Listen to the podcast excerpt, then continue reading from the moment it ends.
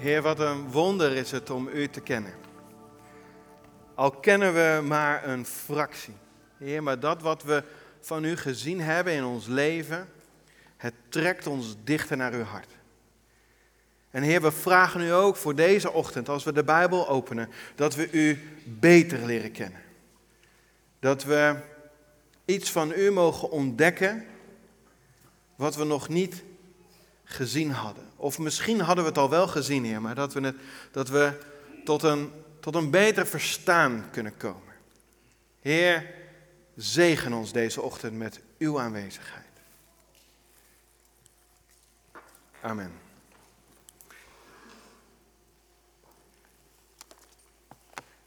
Als je al wat vaker bij ons geweest bent, dan is de kans vrij groot dat je de term First Kids al wel een aantal keren voorbij hebt horen komen.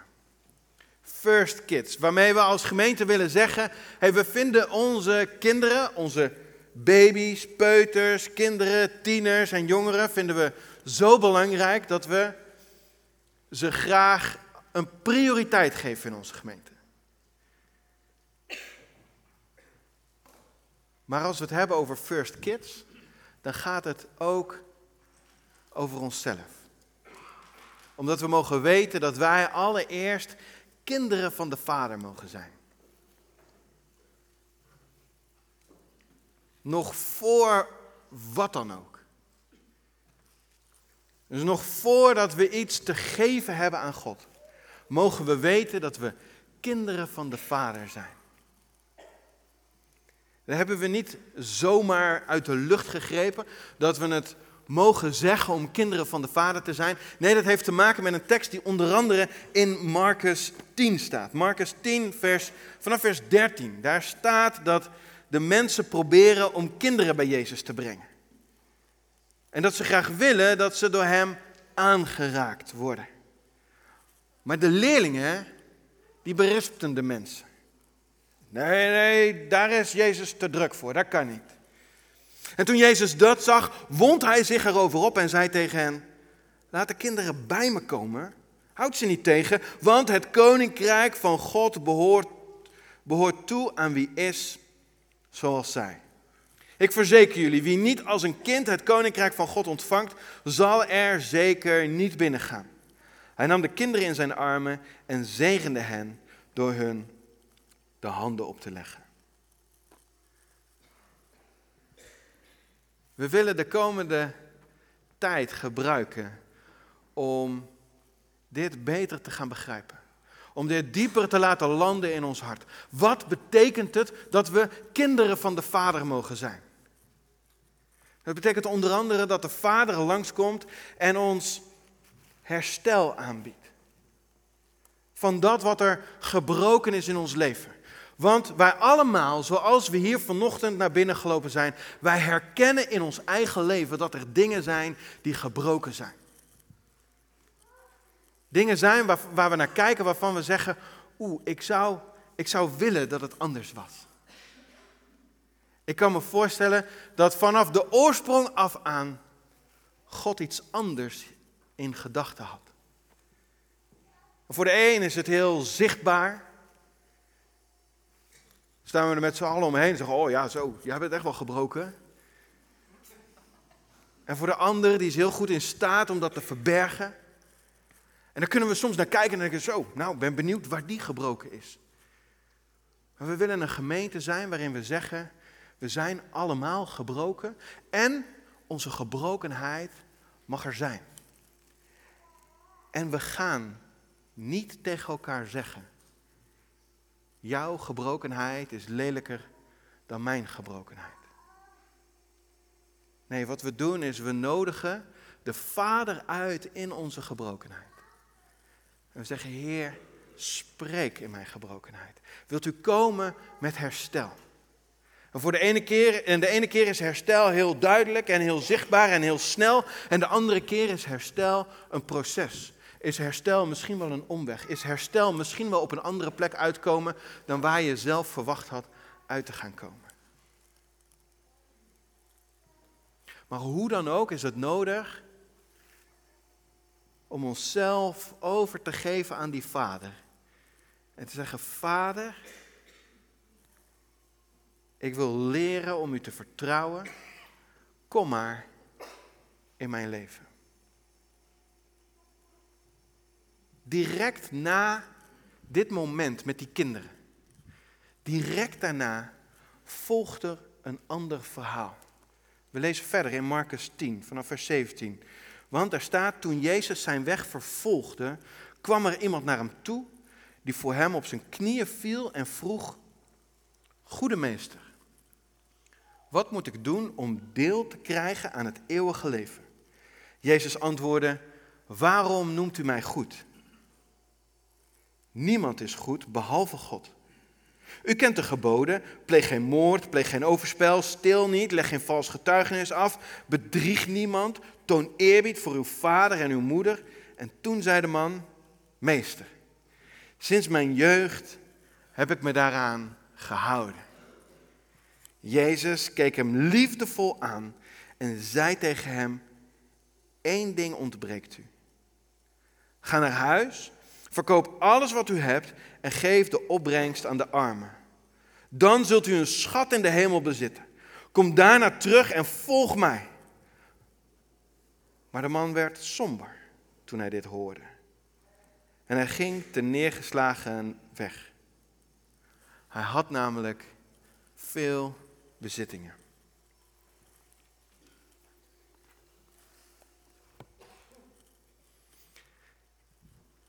Jezus ontmoet hier een jonge kerel. En deze jonge kerel had het goed voor elkaar. Deze jonge kerel die was het kind zijn ver ontstegen. Leg een, leg een gebod vanuit de wet voor hem neer en hij zegt, heb ik me aangehouden. En, en, en door zijn rijkdom had hij ook nog eens een keer extra aanzien. Want in de tijd van Jezus werd, werd, werd rijkdom gezien als een zegen die God gegeven had. En dat niet alleen, maar op het moment dat je rijk was, dan had je ook nog eens veel meer vrije tijd, waardoor je goede dingen kon doen. En je had veel meer geld om weg te geven als een aalmoes aan de mensen die het nodig hadden. Dus op het moment dat je rijk was, oh, dan, dan had je aanzien. Deze gozer had het kind zijn ver ontstegen. Hij was onafhankelijk geworden. Financieel. Maar ook hij had zijn zaakjes goed op orde als het op de geestelijke dingen aankwam.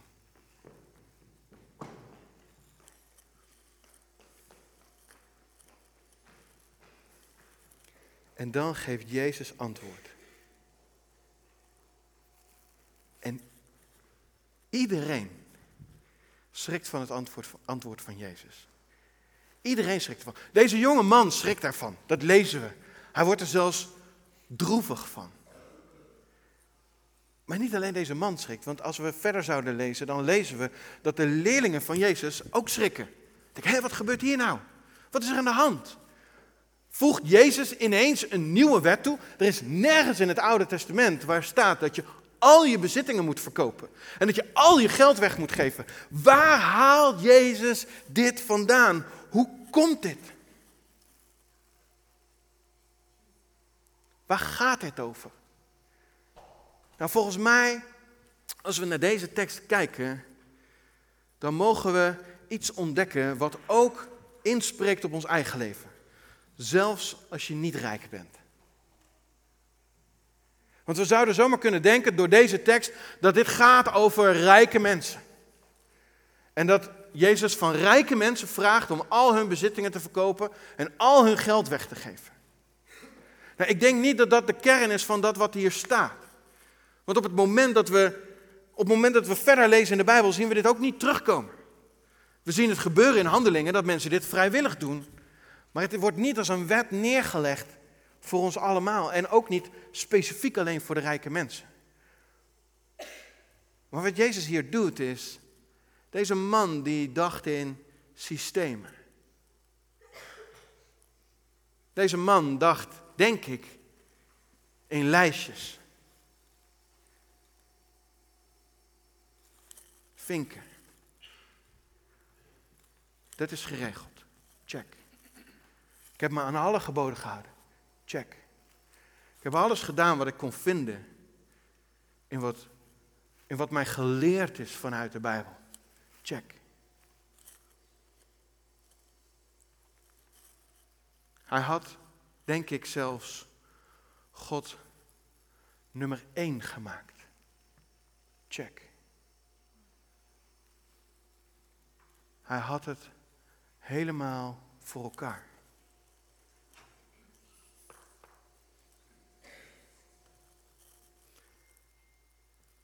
En of je nou veel geld hebt of weinig geld hebt.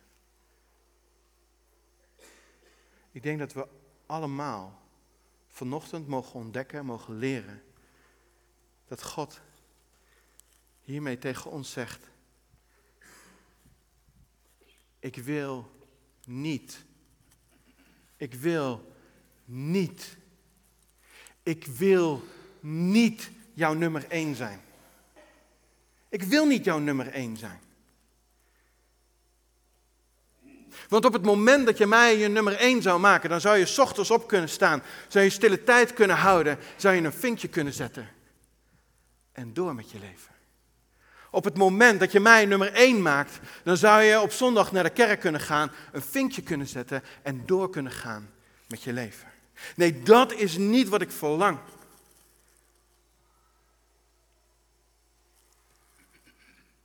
Wat ik verlang, is dat ik in alles je vader mag zijn.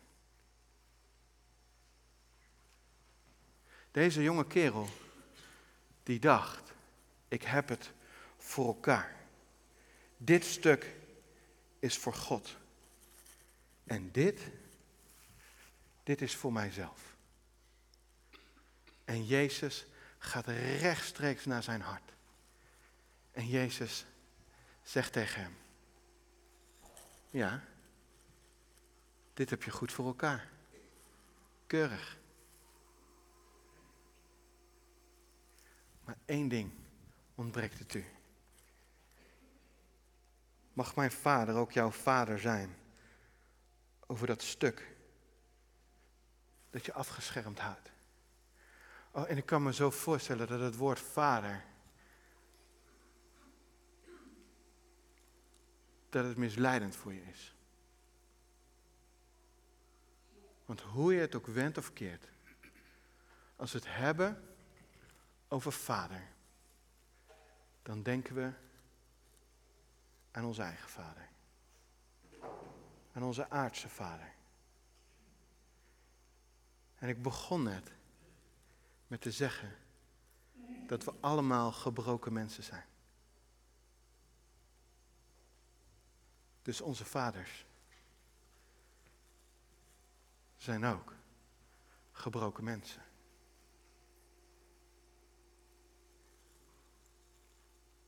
Zij hebben op momenten een beeld van een vader laten zien waar we ons hart bij op kunnen halen. En ik hoop voor je dat je dat ook herkent in je leven. Dat als je terugdenkt over je vader, of als je nu denkt aan je vader die er nog is, dat je denkt aan momenten waarin die iets heeft kunnen weerspiegelen van hoe, hoe, hoe een vader zou moeten zijn.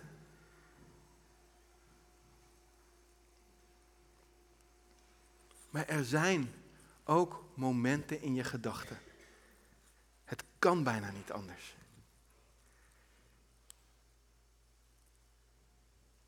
Waarop je denkt aan je vader. En je denkt, nee.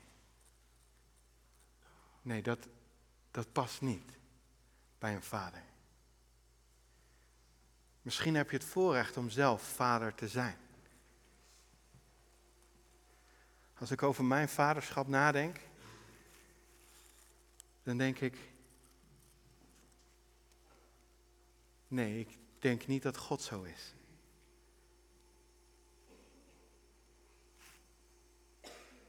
Ik denk niet dat God een God is die snel geïrriteerd is. Deze vader wel.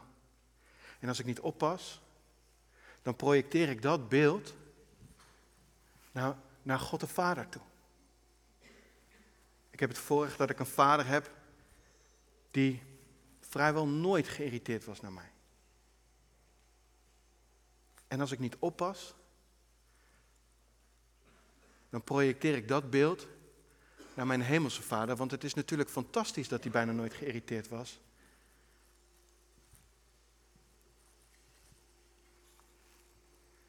Maar zou het kunnen zijn dat het ook iets doet met mijn beeld van betrokkenheid?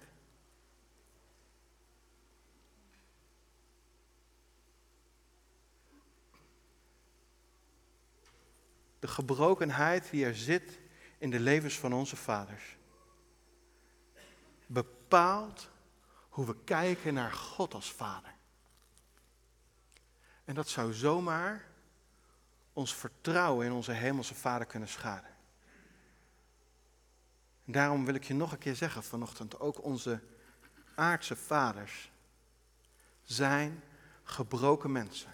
En God wil dat beeld ver overstijgen. En hij wil tegen je zeggen, ik ben een vader die te vertrouwen is. Maar ik wil niet jouw nummer één zijn. Ik wil niet jouw nummer één zijn, omdat dat er zomaar eens voor zou kunnen zorgen dat je denkt dat het afgekaderd is. Dat je denkt dat het afgevinkt is. Het is klaar. Ik heb mijn stille tijd gehouden. Ik ben naar de kerk geweest. Ik heb mijn christelijke muziek geluisterd. Ik heb mijn geld gegeven. Check, check, check, check. Ik ben klaar en ik ga door met mijn leven. En onze hemelse Vader wil vanochtend tegen ons zeggen, geloof ik. Ik wil betrokken zijn in elk onderdeel van je leven.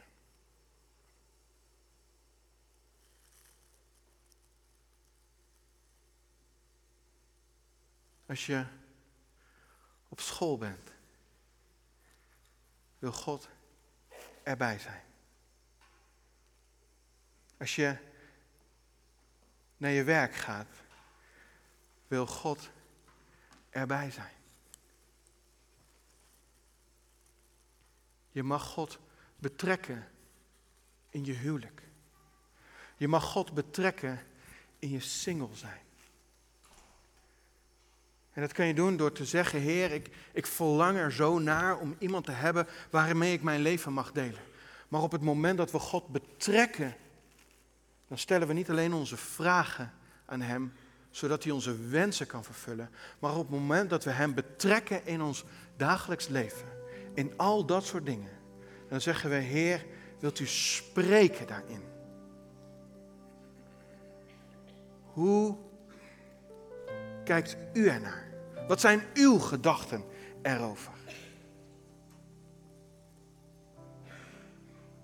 Heere God, ik wil u betrekken in mijn rijkdom. Heere God, ik wil u betrekken in mijn schulden. Ik wil hier niet alleen voor knokken, maar ik wil u vragen, Heer, schijn uw licht op mijn schulden. God vraagt aan je, nodig mij uit in al die verschillende onderdelen van jouw leven. En als je mij uitnodigt, weet, ik kom niet om te roven. Ik kom niet om kapot te maken. Nee, ik kom juist om te geven. Ik kom om herstel te brengen. Nodig mij uit in je kinderwens.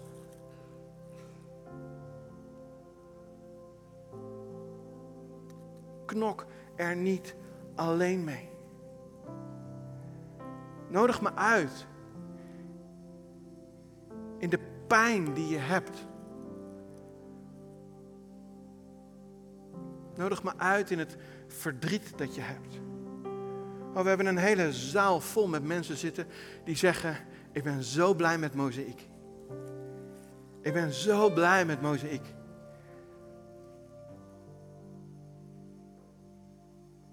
Want ik laat ook iets achter.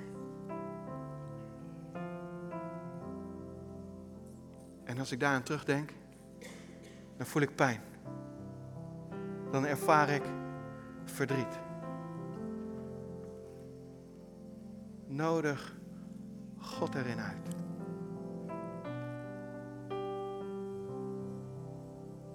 Misschien ervaar je een last om te moeten vergeven.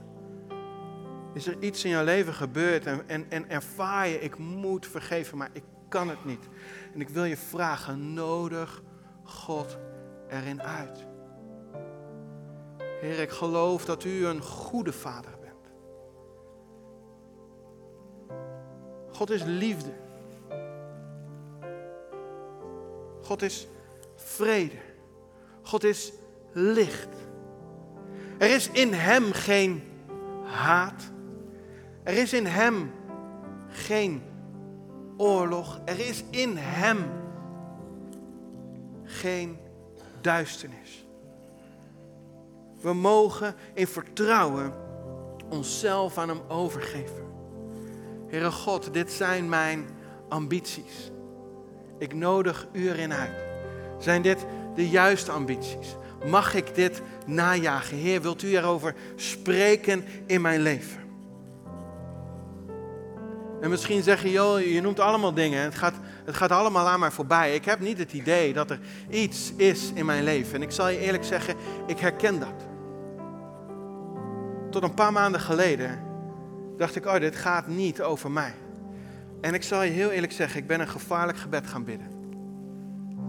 En ik wil je uitnodigen op een moment dat je je niet herkent in de dingen die ik genoemd heb, om dat gebed over te nemen.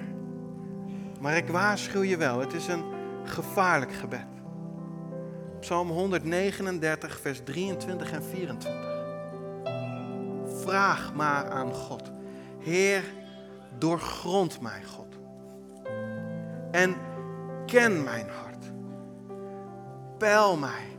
Weet wat mij kwelt. Zie of ik geen verkeerde weg ga. En leid mij op de weg die eeuwig is. Durf je dit gebed te bidden? Heer, ken mij. Doorgrond mijn hart. Weet wat mijn motieven zijn. Breng het maar naar boven. Heer, alles wat voor mijzelf nog onzichtbaar is, laat het me maar zien. Breng het maar naar boven. Vertel het me maar.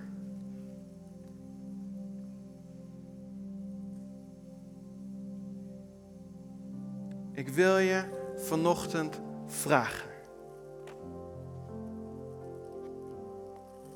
Wil je jezelf toevertrouwen? Wil je jezelf toevertrouwen aan de Vader die te vertrouwen is?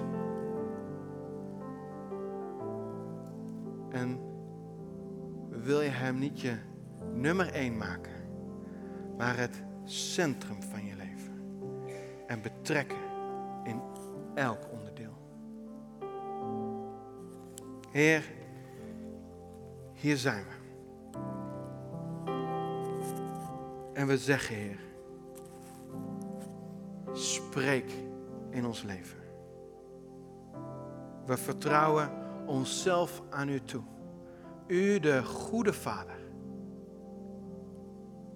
de Schepper van hemel en aarde, de heilige, onaanraakbare God, U die hoog verheven bent. En wij mogen tegen U zeggen, Papa. We houden van u en we vertrouwen onszelf aan u toe. Amen.